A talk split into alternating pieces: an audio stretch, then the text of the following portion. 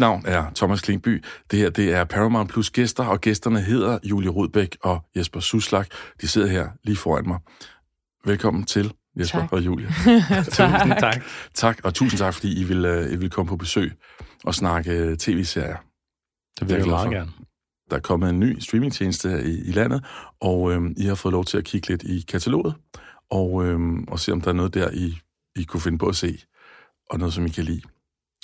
Så det håber jeg, der er. Der var masser. Mm. Ja. Øhm, vi vender tilbage til, øh, til præcis, hvad det er for titler. Men øh, jeg vil lige øh, høre lidt, lidt mere om jer. I, I, I, I jo kendte, går ud fra for mange af dem, der sidder og lytter med her, øh, som, som skaberne. Altså både skuespillere, manusforfattere, instruktører. En dynamisk duo øh, af serien 29. Ja. Som er gået virkelig godt. Det er også det er en god Ja, serie. det synes vi. Ja, og den er blevet taget godt imod. Ja. Kan I ikke være lidt ubeskedende her, og så... Er I, er I ikke selv glade for den? Jo, Vi er helt ekstremt vildt. glade for den. Mm. Øh, vi, vi, det har været en fantastisk uh, tur. Hvor lang tid har vi brugt på det nu? Fire år Ja.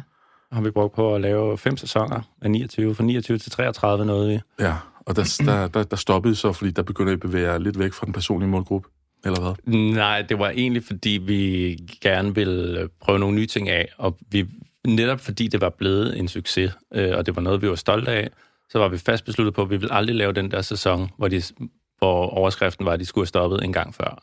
Nej, det er. Øh, og, det, og det ville vi heller ikke selv føle, selvom andre så ikke sagde det, så ville vi heller ikke selv føle, at vi malkede en god, fordi det er jo, en- der er jo en skøn tryghed i at blive i et univers, og i et format, som man kender.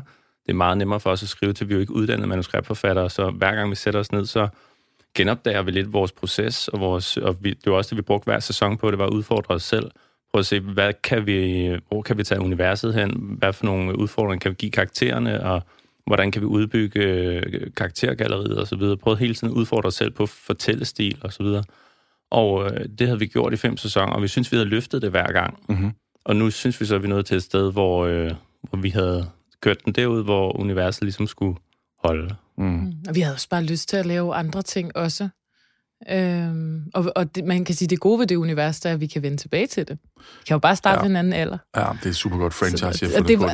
Mm. Vi kan og træde det ind var vilkårligt. Præcis, og førskrisen, den, øh, den nærmer sig. Ja, Øhm, og det er en ting, det ved jeg. Ja, det er det. Så, så jeg tror også bare det der med at holde en god pause og lave nogle andre projekter, og så er det rart det der med at slutte noget, hvor man tænker, men vi kan altid vende tilbage, hvis, hvis vi kommer til at savne det for meget.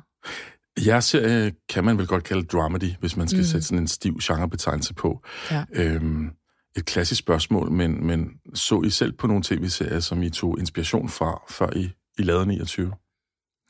Ja, det gjorde vi. Der, der, altså, vi har ikke sådan den der ene serie, hvor at det, sådan, at det var den, vi ville lave. Vi synes sådan, fordi vi har fået det her spørgsmål før, øh, at vi har, vi har taget lidt forskellige elementer fra nogle forskellige serier, tror jeg. Mm-hmm. Jeg tror, vi, vi savnede lige præcis dramedien i Danmark. Vi synes, der var mange rene komedieserier, øh, og der var mange rene dramaer. Øh, vi synes, at USA i en lang højere grad havde været gode til at ramme den her øh, gode blanding mellem drama og komedie. Øh, Girls for eksempel, Transparent, Fleabag. Mm-hmm. Øh, så jeg tror mere, vi har kigget derover.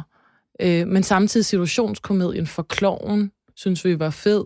Men dialog og den form for humor og sådan noget, der tror jeg mere, vi har kigget over på det amerikanske marked. Ikke? Jo. Der har det været sådan, altså generationsportrættet fra Girls, øh, dialog og, og sådan skarphed for, for sådan noget som Transparent, og, og så den der situationskomedie, må, måske mere fra, fra kloven, ikke? Mm. Det var, jeg, jeg forstår, dramedy-genren synes jeg var så fantastisk, fordi, Ja. også fordi vi har aldrig rigtig følt os som øh, komikere rent, mm. og vi er heller ikke sådan dramaskuespillere, som laver DR søndag aften. Og, og vores genre, den, den ligger bare sådan et skønt sted midt imellem, hvor man kan det hele. Mm-hmm. Altså, hvor du ligesom laver en kontrakt med folk om, at det skal være sjovt, men der kommer også til at være noget hjerte i det. Vi kommer til at, at fortælle nogle historier om nogle mennesker, som er nærværende, og som man kan se sig selv i. Og det er, bare, det er så skønt at fortælle historier i det univers der, hvor man kan få folk til at grine, og så lige pludselig twiste det over, og så bliver det pludselig alvorligt. Og så Mhm. var vi pludselig manuskriptforfatter og faktisk prøve at komme igennem med en pointe om noget, og ikke Mm. bare få folk til at grine. Og det er et skønt Og univers. sådan at var det jo også dengang, vi lavede satire altså på DR. Der, det handlede jo altid om et eller andet. Vi har, sådan, det, vi har aldrig rigtig arbejdet med noget, at det kun skulle være sjovt for at være sjovt. Altså, det er også sjovt at have, men, men, men du ved, vi ville godt have, det skulle handle om et eller andet. Det må godt ramme ned på noget. Ja. Funny because it's true. Altså, at det skulle være genkendeligt Mm. Og ægte. og ægte. Ja. Men det er simpelthen sådan et stort privilegium, øh, privilegium hedder det, at have og sidde her som, øh, som gæster. Øhm, fordi I både er glade, begejstrede tv-serier, og så har erfaring med at lave tv-serier selv. Så øhm, det kunne godt finde på at dykke lidt ned i senere. Mm. Men nu tror vi noget dertil, hvor vi skal tage fat på den første serie. Og så vi skal starte med dig, Julie. Ja. Hvad, hvad, hvad har du fundet i kataloget? Jamen, øh, der var jo mange gode, men øh, jeg hæv fat i The Affair, Mm. fordi at den, øh, den er jo, den har jo nogle år på banen nu. Øh, men den så jeg, jeg kan faktisk ikke huske, hvor, hvad år det var.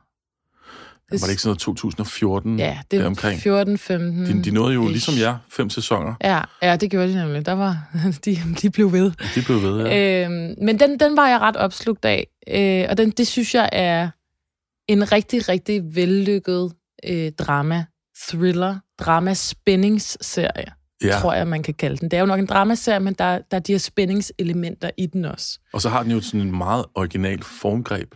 Ja, og det, det er nemlig det. Den, øh, jeg synes, at det... Jeg tror, flere serier har gjort det her, men, men jeg synes, det er, det er et eksempel på en virkelig vellykket brug af det greb, hvor at, øh, at den ligesom er delt op i, øh, i to subjektive fortællinger.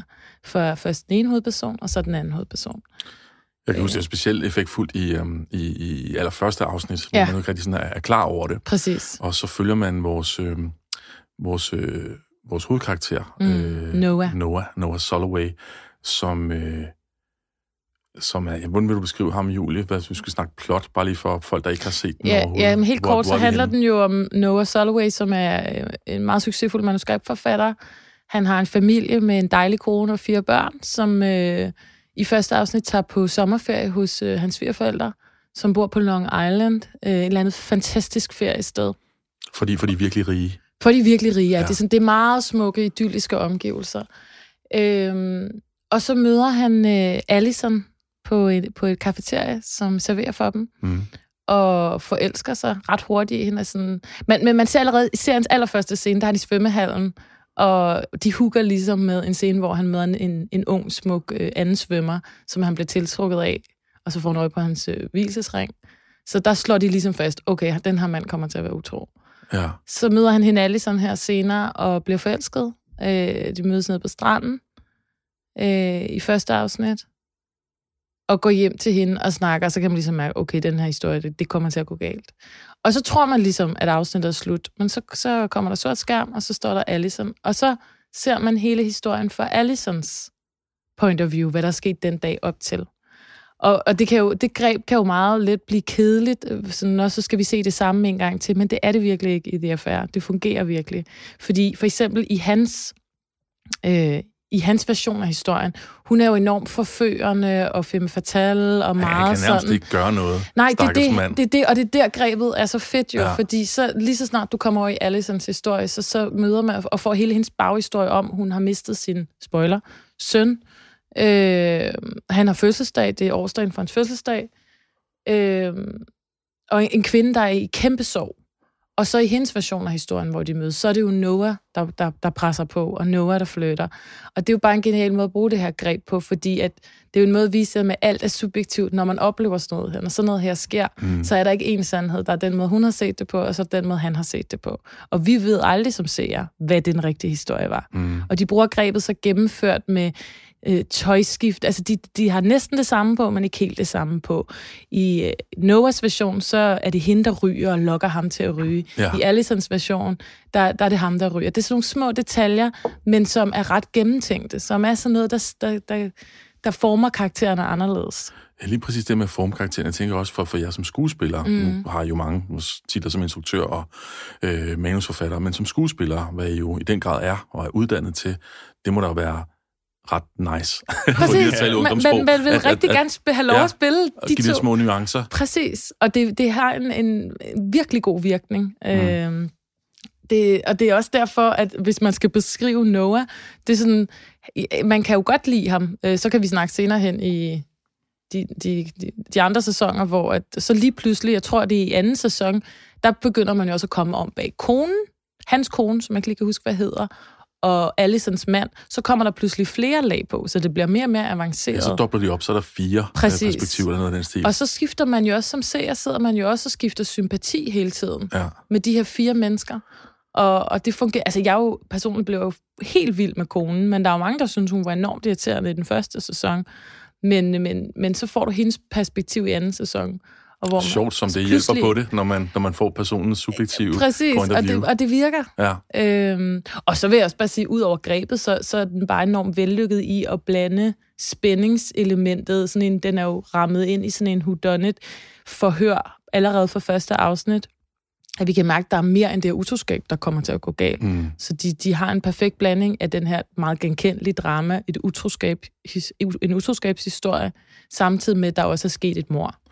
Ja, så der er noget endnu mere dystert bag, Ja. bag det, vi tror, at er til Og det kunne meget hurtigt blive en kliché, men det er faktisk ret spændende, og det er velskrevet, det er velspillet, og, og selvom de her afsnit var en time, så, øh, så er man virkelig godt underholdt. Som manusforfatter er man også bare imponeret over, at de får det til at virke, fordi det kan også blive sådan et greb, som kan blive en gimmick, Mm. hvor, hvor man får skrevet det for flat. Mhm. Mm. Så når du så ser det fra en anden vinkel, nå, så havde hun en anden Ja. kjole på, og derfor så... Jamen, og de så bliver bruger man det så sådan lidt Så, gennem. og det er bare lige omvendt. Ja, Ja. Og, og så blev det pointen, og så var der ikke så meget mere i det. Ikke? Vi har selv leget med grebet øh, to gange i, i 29, hvor Julia Jesper har oplevet en, en, øh, en, en, en scene for to, på to forskellige måder, så vi ser den to gange fra Julia Jespers Mm. perspektiv.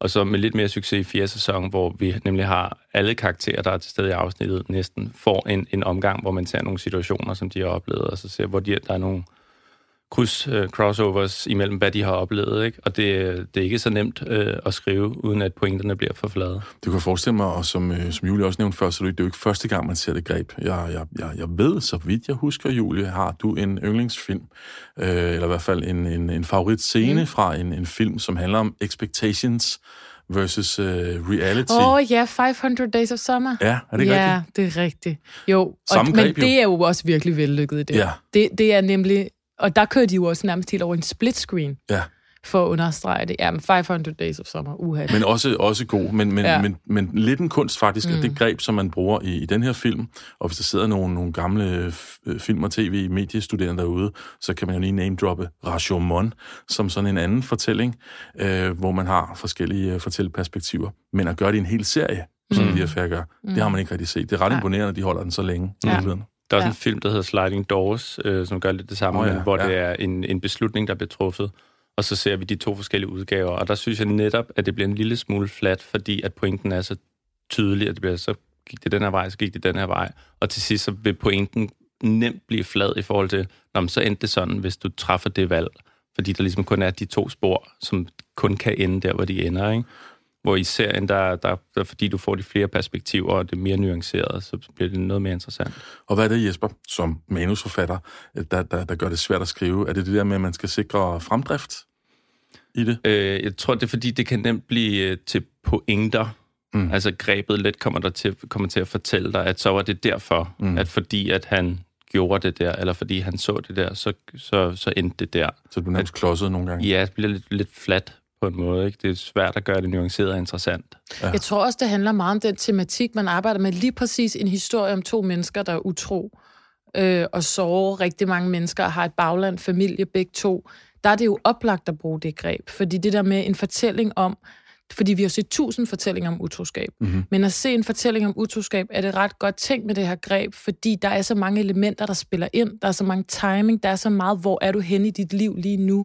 Så hvis vi kun så det fra en persons synspunkt, så, så, så, øh, så, så er der en masse elementer, man mangler. Øh, Altså, det, det er godt at bruge i det her, fordi det, man forstår virkelig, hvorfor Noah og Allison ender i den her situation. Mm. Mm. Fordi de er begge to, de mangler noget. Han har den der klassiske midlife crisis.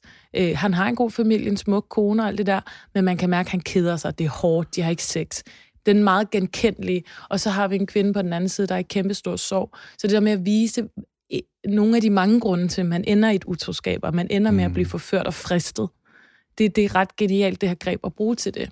Det er, en, det er en rigtig god pointe, synes jeg, som også understreger den her, øh, den her sandhed, som det vel er, at, at alle mennesker ser sig som helten mm. i eget mm. liv. Præcis. Mm. Så når du nævner her tidligere som eksempel, Julie, at, at der på, på dineren, hvor, hvor Nora og alle sådan mødes første gang, så i hans subjektive version, der er hun øh, fristeren, Præcis. forførsken. Ja, han kunne øhm, ikke gøre noget. Han, ja. kunne, han kan ikke gøre noget. Nej. Han er helt uskyldig, mm. han er i mm. sin drifters vold, mm. og omvendt med hende. Præcis, og det er jo nok det, vi gerne vil fortælle os selv, når mm. sådan noget sker. Ikke? Smukt. En, en anbefaling til The Affair, mm. øh, med, med en masse formgreb, med en masse mm. god historie. Stor anbefaling. Gode, gode uh, skuespilpræstationer. Ja. Ja. Så synes jeg, vi skal op til noget helt andet. og det, det, nu bliver det lidt lettere. Lidt lettere. Øhm, og Jesper, det er jo dig. Hvad, hvad, hvad har du fundet? Jeg har fundet South Park. Ja, det er noget andet. Som jo er noget ja. andet, og som er også noget gammelt noget, men som jo stadigvæk kører og har også taget øh, coronakrisen op nu. Fordi at øh, jeg kan huske at blive fascineret af South Park allerede i sådan 4-5. klasse, øh, hvor nogle af de store drenge begyndte at gå med t-shirts på, med billeder af Cartman, hvor der står, You will respect my authority, mm. og Mr. Hanky, The Christmas Pooh, og sådan noget. En masse humor, som passede fint ind i sådan en 12, 13, 14 års øh, dreng. Og så har jeg sådan set elsket det lige siden, primært med kærlighed til, til Cartman, fordi han er sådan en crazy karakter. Og så er det først op i omkring jeg blev 20 eller sådan noget, jeg fandt ud af, at der var et lag mere, som jeg ikke lige havde opdaget i min mm. ungdom, som var, at det her det er faktisk noget af det bedste politiske samfundssatire, der er kommet ud af USA nogensinde.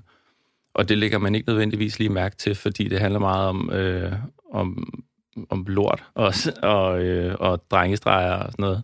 Men, men der er faktisk nogle virkelig, virkelig gode kommentarer på det amerikanske samfund.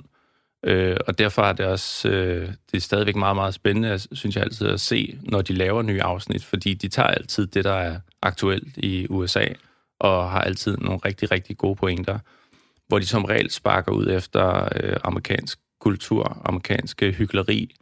Og så fordi det er børn, så, øh, så får man det jo altid fra børnenes perspektiv, det er lidt uskyldige perspektiv, og så forældrene bliver de der idioter, der render rundt og laver alle de fejl, som de gør i det amerikanske samfund og så får du den her rene, uskyldige vinkel fra børnene, som som regel bliver offerne i sidste ende. Mm. Så det, det, er, det er et af de gode greb der, mm. at, det er, at det er gennem børne, børnestemmer. Ja, det er ret Eller, nu, nu er det jo de, de voksne, der lægger stemmer til, men de giver det lige lidt ja. barnlig tonation. Ja. Øhm, igen vil jeg nyde privilegiet af at have to mennesker på besøg, der ikke bare er gode begejstrede tv-serier, men faktisk også laver det selv. Øhm, er, det, er det ikke svært at lave satire, Jesper? Det er muligt for den sags skyld. Øh, jo, det er det. det. det kan det sagtens være, især hvis du ikke har noget at, at, at skrive om. Og jeg synes, det, der er fedt ved dem, det er, at de tager, det er aktualitetssatire, fordi det, det, de jo gjorde med alle sæsonerne, det var, at de udgav det øh, og producerede det øh, på en uge. Så det vil sige, at de startede, øh, der kommer et afsnit ud torsdag, tror jeg, og starter de fredag morgen, mm. Og skal finde ud af, hvad skal vi sende på torsdag. Og det er altså alt fra historieopbygning til, øh, til animation, og få lagt stemmer til det, det hele arbejdet. Altså, det synes jeg lyder helt vildt stressende. Ja, og det er ret sjovt. Der ligger en god, øh, god dokumentar om det på, på YouTube, hvor man følger dem. Hvor de også siger, at fredag morgen er en, er en fornøjelse. Øh, der er god tid nu. Og så mandag, så nu skal vi lige til at stramme an. Og så tirsdag går alt ned med stress. Mm. Og så onsdag begynder det at samle sig igen. Og så torsdag, 10 minutter inden det skal sendes, så afleverer de båndet ind øh, på studiet. Det, det, der er sådan en, en sociopat-comedy-tradition derovre. Jeg tænker også på Saturday Night Live, som, som også mm. hver uge skal præstere et ja. direkte show med, med, med en, en masse sketches, der skal igennem auditions og så videre. Ja. Jeg ved ikke, hvorfor de udsætter sig selv for det. Men de må være kæmpe hold. Altså, det må være så sindssygt mange skriver ja, de var, ja, de, Jeg læste, de på et tidspunkt var 70 i hvert fald, ja. til at lave Jeg tænker mere, hvordan de strukturerer det, for det til at hænge sammen og sådan Men der må være, men det, og det der må være et system. Det er, ja. at der er også et writers room, ikke? men det er ja. Øh, primært uh, Trey Parker og Matt Stone, der der driver historien og laver arbejdet og tager mm. alle beslutningerne. Ikke? Men du har selv prøvet det med, med kolonien, det der med at producere på en uge. Ja, ja, altså det kan jo lade sig gøre. Det er jo også, jeg tænker, man kommer jo ind i et workflow omkring det. Fortæl, øh, fortæl lige om kolonien, Julia. For, oh, ja, for, for, for de få, der ikke måtte have set det. Men jeg tror, det er en meget gemt, hemmelig perle. Jamen, det var jo faktisk det første satireprogram, jeg lavede på DR sammen med Frederik Silius og Mathias Helt og Sten Langeberg, mm-hmm. som var sådan et, øh, et ugentligt magasinprogram, sådan lidt et spoof på, på aftenshowet, hvor Sten Langberg sjovt nok var vært. Så, ja, så har udlevet det, altså det. i dag. Nå, det er faktisk ret god til. Ja. Øhm, I hvor vi også bare skrev, altså det var jo så ikke lige så aktuelt, men, men det var også uge til uge stort set, vi lavede det, som, og det var altså alt det, der kunne komme derind, det var, kunne være, det, der kunne være gæster i aftenshowet. Altså, mm. så vi, vi fandt på karakterer, og det var også noget mandag morgen, når hvad skal vi have med? Så havde Frederik en griner en idé til en reporter, og så havde vi nogle faste elementer, men så var det ellers også bare skøre typer, som kunne komme ind og besøge dem, som havde opfundet en lampe, eller en mand, der ikke kunne blinke, eller øh, en mand, der svedte for meget. Altså, det var, det var virkelig et legerum, øh, hvor vi bare kunne fyre alle mulige karakterer af og prøve dem af og finde ud af, om vi kunne fortsætte med dem mm. lege. Også hvor, hvor der samtidig bare ikke er tid til at øh, overtænke Og, og præcis, og det var faktisk en rigtig god øvelse, det der med netop, når man laver satire, fordi selvfølgelig skal der være ting, der er gennemarbejdet, og det er også lidt sjovere, men det var en god øvelse for mig at lære bare at turde gå prøve at lave noget, der var halvfærdigt, eller arbejde i det tempo, og så finde ud af, at nogle gange, så kan, så kan du faktisk ramme noget meget rigtigt ved ikke at sidde og, og, og nus med det for lang tid. Øhm. Og kunsten er jo at holde, at holde kvaliteten op på det, ikke? Ja. Og, og i vores og arbejde, der, der har vi jo, bruger vi jo lang tid. Et, en, en sæson kan godt... Det nye, seneste sæson, vi har lavet 29, cirka taget et år at lave, ikke? Mm. Og det, det er virkelig lang tid at sidde Det er jo på grund af manus. Altså, det er jo også noget andet, sådan et ugentligt program. Altså, hvis du skriver en tv-serie, så, så er det jo også noget helt andet. Ja, og det, der er sindssygt ved South Park, det er, det er en tv-serie, ikke? Det er jo, jo. 20 minutters afsnit af godt nok en animationsserie, men det er Ja, det sådan, skal nemlig ikke optages. Det, det skal ikke optages, det og det er det, der gør, at man ikke kan gøre det på samme måde ja. øh, med en fiktionsserie. Men, øh, men det at, at holde niveauet højt, øh, og tage de ting op, der er sket i løbet af ugen, og så lave en god sammenhængende historie. Og det, der er sindssygt ved South Park, det er, hvor højt niveauet har været, og hvor mange afsnit, som der er værd at se, selvom de ikke er aktuelle mere, men der er simpelthen bare en virkelig god historie i, og de er virkelig, virkelig sjove. Ikke? Mm, og så tænk på, at det er lavet på syv dage. Det, det, er, det er imponerende. De er jo oppe på 23 sæsoner eller sådan noget, og stadigvæk mm. har kontrakt til, øh, til 2026, mm. mener jeg, det er. Men der er også noget virkelig smart i det der med at, at gemme satiren i, i tegnefilm, som du også... Altså sådan, det, det er lidt det, det, det er lidt ligesom, det er lidt det samme som Frederik Rasmus gør med Kirsten Birk. Altså, så, så er næsten alt lovligt mm-hmm. at sige og mhm. gøre, hvilket det jo er i satire også. Mm. Men, men det, det, er en god, det er en god indpakning på, øh, på skarp satire. På hvor, hvor børnene, det er smart igen og, og det er stadig lavet til børnene. De kan godt, jeg så det som barn. Ja. Jeg kan stadig huske den der sang, som Cartman synger med det. Cartman's a bitch. Cartman's a bitch, she's a big fat bitch, she's the biggest bitch in the whole wide world, she's a stupid bitch, it was a bitch, she's a bitch to all the boys and girls. Det, man, man kan huske den sang 20 år senere.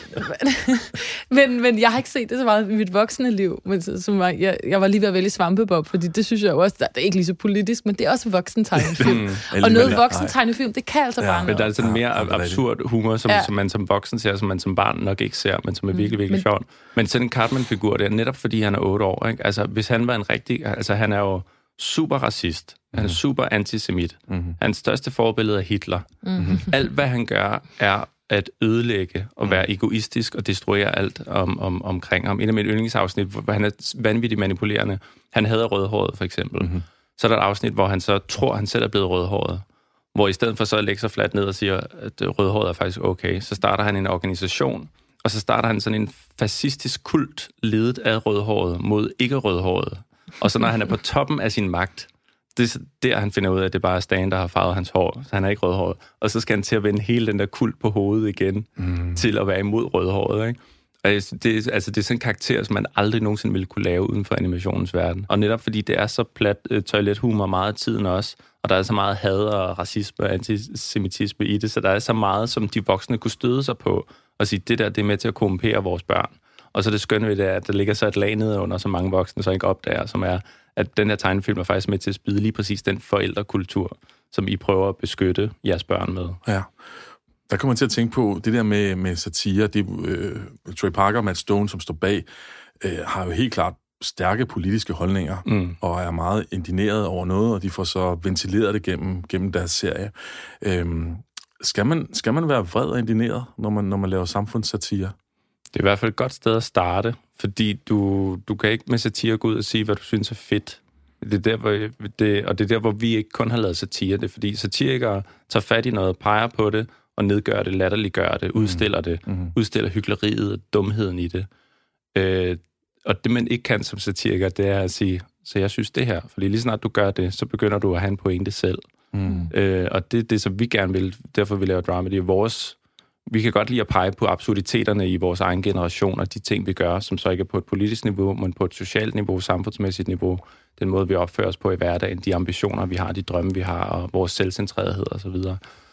Men vi vil så også godt komme ind med hjerte bagefter og sige, men der er også noget skønt her, eller der er noget, der er godt, der er noget at hige efter, noget at søge efter, som vi selv er, fordi det er øh, den generation, vi selv er en del af, så ved vi jo også godt, hvad det er, vi gerne vil. meget tydeligt for mig at se, når jeg tænker tilbage på mine gamle kollegaer, inden jeg arbejdede med Jesper. Og så det er sjovt at se, hvor de er endt, i hvilken slags form de er endt mm. øh, mhm. i form af satire, fordi øh, der var netop nogen, som Jesper sagde, der var meget vrede og meget, havde mange meninger om mange ting, og de er jo klart endt med at lave mere politisk, mere sådan, øh, fordi der tror du skal have drive og en, en, en meget stærk holdning til, til nogle politiske ting, eller sådan noget. så er de sjovt nok også endt med at lave det mere skarpe politiske satire, og så er der øh, blandt andet mig, som er endt med noget af det blødere, kan man sige, men som jeg interesserede mig altid mere for menneskerne, relationerne, mm-hmm. øh, typer, øh, sådan karakterer mere end egentlig store politiske øh, samfundsting. Altså sådan, jeg, jeg tænkte bare det, jeg siger ting. Altså sådan, jeg, jeg synes bare, det var mere interessant at dykke ned i mennesker og relationer, jeg fandt ud af, at det var det, jeg var bedst til. Ja. Det der med at finde sin nichevej i det. For jeg kan huske, jeg var helt stresset, da jeg kom ind på satire talent halvår sådan, jeg ved jo ikke nok om politik. Og du skal jeg til at læse aviser. Nå, så der med at finde ud af, at jeg skal ja. bare kende min niche, ja. som er det her. Øh, så jeg tror, man kan lave satire i mange former. Altså, man skal bare finde ud af, hvad man har noget at fortælle noget om, og hvad man er god til. Og det er jo stadig samfundssatire, det vi laver. Ja, ja, det, det er, er det. Ikke, det er bare ikke politisk øh, på samme Men måde. det er sådan, så alle kan være med på en eller anden måde. Altså, hvis alle har en ven eller en mor, så kan de sgu nok godt relatere til det. Ja, så, så I bygger karakterer, som mange gange mm. skulle virke som mere tredimensionelle, mm. i modsætning til de her cutouts af, af Kenny bag Parker-koden, ja. mm. og, og hvad vi ellers mm. har i South Park. Mm. Men jo imponerende, igen, du sagde det også før, Jesper, at en serie som South Park kan holde plus 20 sæsoner, mm. og stadig være sådan i en, i en prisvindende kategori, i hvert fald levere fra, fra øverste hylde. Mm. Du nævnte også noget tidligere, at det var jo begge to, der lige pludselig øh, brød ud i sang. altså, mm. ikke fordi jeg beder om at synge igen, men musikken betyder ret meget 100 i, i South Park. Det er også noget, det jeg altid elsker ved det, at det er også musical, og det sjove er, at, øh, at de, de siger også, tit så starter de også med sang, og de, de er, de, noget af det første, de lavede, var musical sammen øh, at de har sådan en kærlighed til, til musik, hvilket igen er meget antisatire, hvilket igen gør det endnu sjovere, at du tager det her absurde og lidt øh, rå univers, og så kan de pludselig bryde ud i sang og spoofe musical-genren. Øh, og den spillefilm, de lavede, var, var jo en musical med nogle virkelig, virkelig gode sange i, og hvor de spoofede Le Miserable og alle de store, og så bare gjorde det med virkelig meget humor i.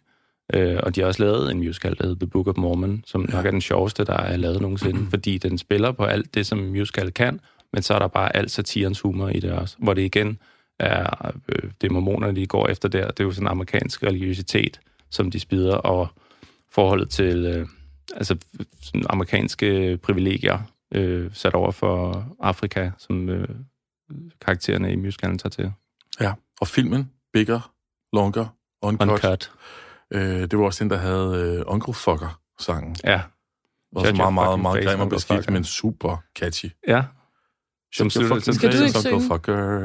Åh oh, ja. Na, na, na, det kan jeg huske, drengene i folkeskolen gik og sang. Det ja. don't eat or sleep or mow the ja. long, just Hvis det ikke helt, hvad de sang, måske. Nej, nej, bare, bare, bare, nej, præcis. Og det er det samme, der sker i filmen, at drengene kommer ud fra biografen og ser filmen, shut your fucking face, Uncle Fucker, indtil ja. forældrene opdager, at der bliver skidevrede. Ja, ja. Og starter en krig mod Canada, fordi at uh, Terrence og Philip kommer derop fra. Ikke? Igen, for, altså det var jo en kommentar ja, til... Ja, inde i filmen her. Inde i filmen, ja. ja. ja. At, uh, at uh, en kommentar til forældre, der prøver at beskytte deres børn mod det her for, forbudte, grimme sprog og den her korruption af, af de kære små. Mm. Og så er der også et flot, en flot solo i den sang, øh, udelukkende lavet protelyde. Der skal vi da bare lige øh, høre et eksempel, Jesper. Ja, jamen kan du ikke klippe det ind senere? Den jo. kommer her. Okay, det, det, det kan jeg simpelthen kan. Okay, jamen øh, en super anbefaling af South Park, Still Going Strong, og øh, en anbefaling af The Affair. Øh, begge, begge dele kan man finde inde øh, i kataloget hos Paramount+. Plus. Hvad, øh, hvad, hvad skal I lave nu? Ikke nødvendigvis lige nu, men jo, måske lige nu. Jeg tænker på jeres karriere. I, fordi serien, serien er jo slut for nu. I vender måske tilbage i 40'erne, det ved vi ikke. Det kan vi glæde os til. men I er jo stadigvæk sammen, kreativt set. Ja. Mm. Jamen, vi er vi er i gang med at skrive en spillefilm, og vi er i gang med at udvikle på en ny tv-serie. Mm-hmm. Og så mhm. skal vi ud og lave en masse skuespillerjobs forhåbentlig også mm. ved siden af. Så vi har, vi har to nye projekter i gang, som vi håber bliver til noget.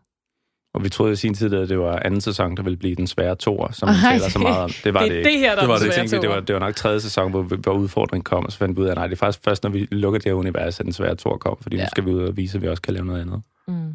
Ja, men altså, selvfølgelig kan I det. Jeg ved ikke, skal I lave en musical på et tidspunkt, eller noget animation? Jesper skal. Jesper skal lave musical i hvert Jeg skal da lave på, på et eller andet tidspunkt blive nødt til at lave noget musical. Det Vi har, bare, det vi har faktisk, mærke. Ja, Men vi har faktisk snakket om, at vi på et tidspunkt godt kunne tænke os, måske sammen med nogle af vores skønne kollegaer, at lave et live show. Ikke at lave, jeg siger ikke sådan noget lektier, men, men sådan, det, det har man altså ikke set i lang tid. Og der, vi, vi kender, nu, vi har nogle gode kollegaer, der laver det samme som os, som, mm-hmm. som vi, vi, vi, vi går og leger med en idé om, det kunne være sjovt at, at lave en eller anden form for live show. Øh, fordi vi, vi i alt det her, hvor vi nu, hvor vi også er begyndt at skrive og instruere, sådan noget, vi savner jo også satiren. Vi savner også nogle gange det lette. Ja. Jeg, Mm. tror, jeg tror ikke, at øh, vi, vi er helt færdige med at lave sketches og lidt mere vild, vild Mm. satire end, end det her dramedy. Nej. Det, det, det kan noget andet. Jeg tror bare, det er fordi, nu har vi et, et flow, og så vil vi hele tiden gerne bygge op og gøre det større og gøre det mere. Hele tiden vise, at vi kan gøre svære ting, ikke? Men der er sådan et, vores indre legebarn vil nok også godt gå tilbage en Ja. gang imellem og bare lave noget, der er bare sjovt. Mm. Men altså, øhm, jeg glæder mig som altid til at følge jer og, øh, og se, hvad I finder på. I har øh, ligesom udlignet de fem sæsoner hos The Affair. Der er et stykke op til de 23 plus hos øh, South Park. Mindre kan også gøre det.